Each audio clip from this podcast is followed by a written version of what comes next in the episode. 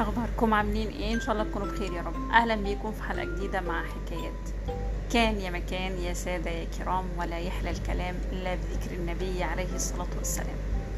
مرة كان في واحدة اسمها سهير. سهير كانت قاعدة بتتفرج على الفيسبوك. وبعدين وهي بتتفرج لقت صاحبتها سميرة اللي كانوا مع بعض في نفس الديسك في المدرسة بقت حد مشهور جدا جدا جدا.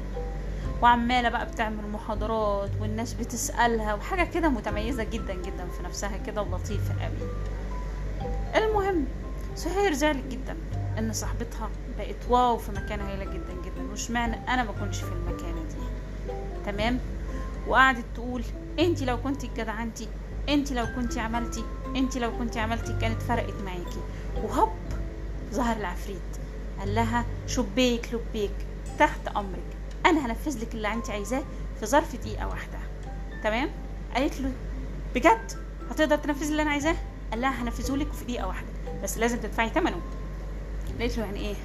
قال لها يعني شوفي أنت عايزة إيه وأنا هقول لك ثمنه قالت له عارف أنا عايزة أبقى زي صاحبتي دي جدا. جدا. أبقى أنا هي. قال لها تمام جدا جدا. قصاد دوت عندك حاجة لازم تعمليها. قالت له إيه؟ قال لها هقتل جوزك وهاخد ابنك. وكده مش هيبقى عندك لا زوج ولا طفل. قالت له لا إزاي؟ قال لها هو ده الثمن قالت له يعني إيه؟ قال لها يعني صاحبتك ما وصلتش للوضع اللي هي فيه ده إلا لما فقدت جوزها وابنها فحطت همها في الشغل واشتغلت. فانت عشان تبقي مكانها بالظبط يبقى لازم تشيلي الليلة على بعضها بالظبط. يبقى أنا هاخد جوزك وابنك في مقابل اللي انت عايزاه دوت. تفتكروا سهير هتعمل إيه؟